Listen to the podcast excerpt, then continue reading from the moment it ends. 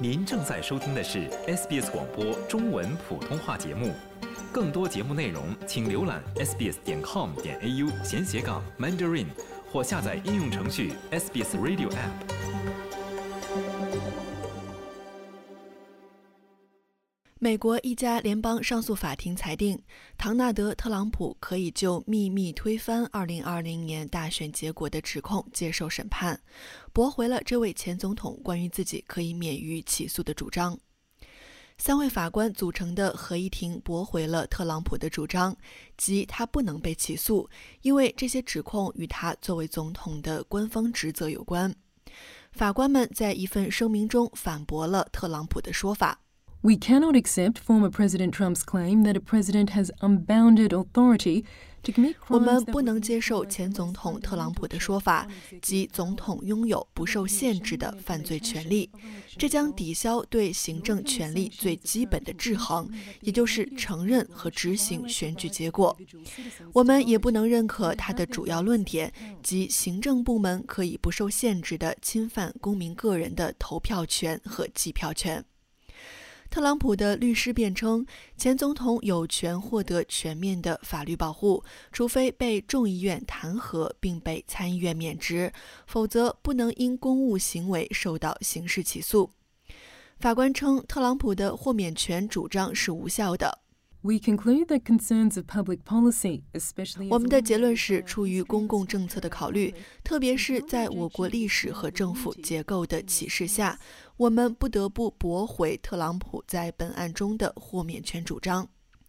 前总统特朗普曾两次被弹劾，在这两起弹劾案中，有足够多的参议院共和党人投票宣告他无罪，从而避免他被定罪。去年八月，特别顾问杰克·史密斯概述了起诉的依据。Today, an indictment was unsealed, charging Donald J. Trump with conspiring to defraud the United States 今天，一份起诉书被起封，指控唐纳德·特朗普密谋欺骗美国，密谋剥夺选民权利，密谋并企图阻碍官方程序。二零二一年一月六日对美国国会大厦的袭击，是对美国民主大厦前所未有的攻击。正如起诉书中所述，谎言助长了这场袭击。被告的谎言旨在阻挠美国政府的一项基本职能，即国家收集、计算和认证总统选举结果的过程。特朗普在上个月的讲话中称，起诉是带有政治目的的，是由总统乔·拜登与司法部合作推动的。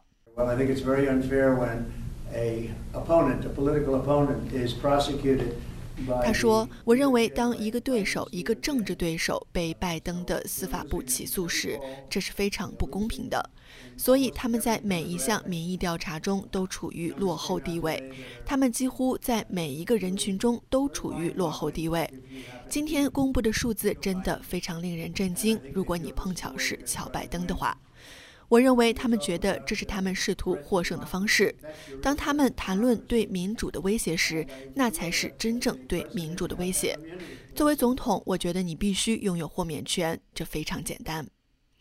由于特朗普的豁免主张和该案其他法律顾问的裁决时间尚未确定，联邦地区法院法官上周无限期推迟了原定于三月四日的审判日期。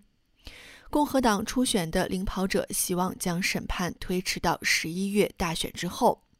此案是特朗普为重夺总统宝座而面临的四项刑事指控之一。除了华盛顿案之外，特朗普在佛罗里达州还面临联邦指控，称他在2021年1月卸任后，在海湖庄园非法保留机密文件。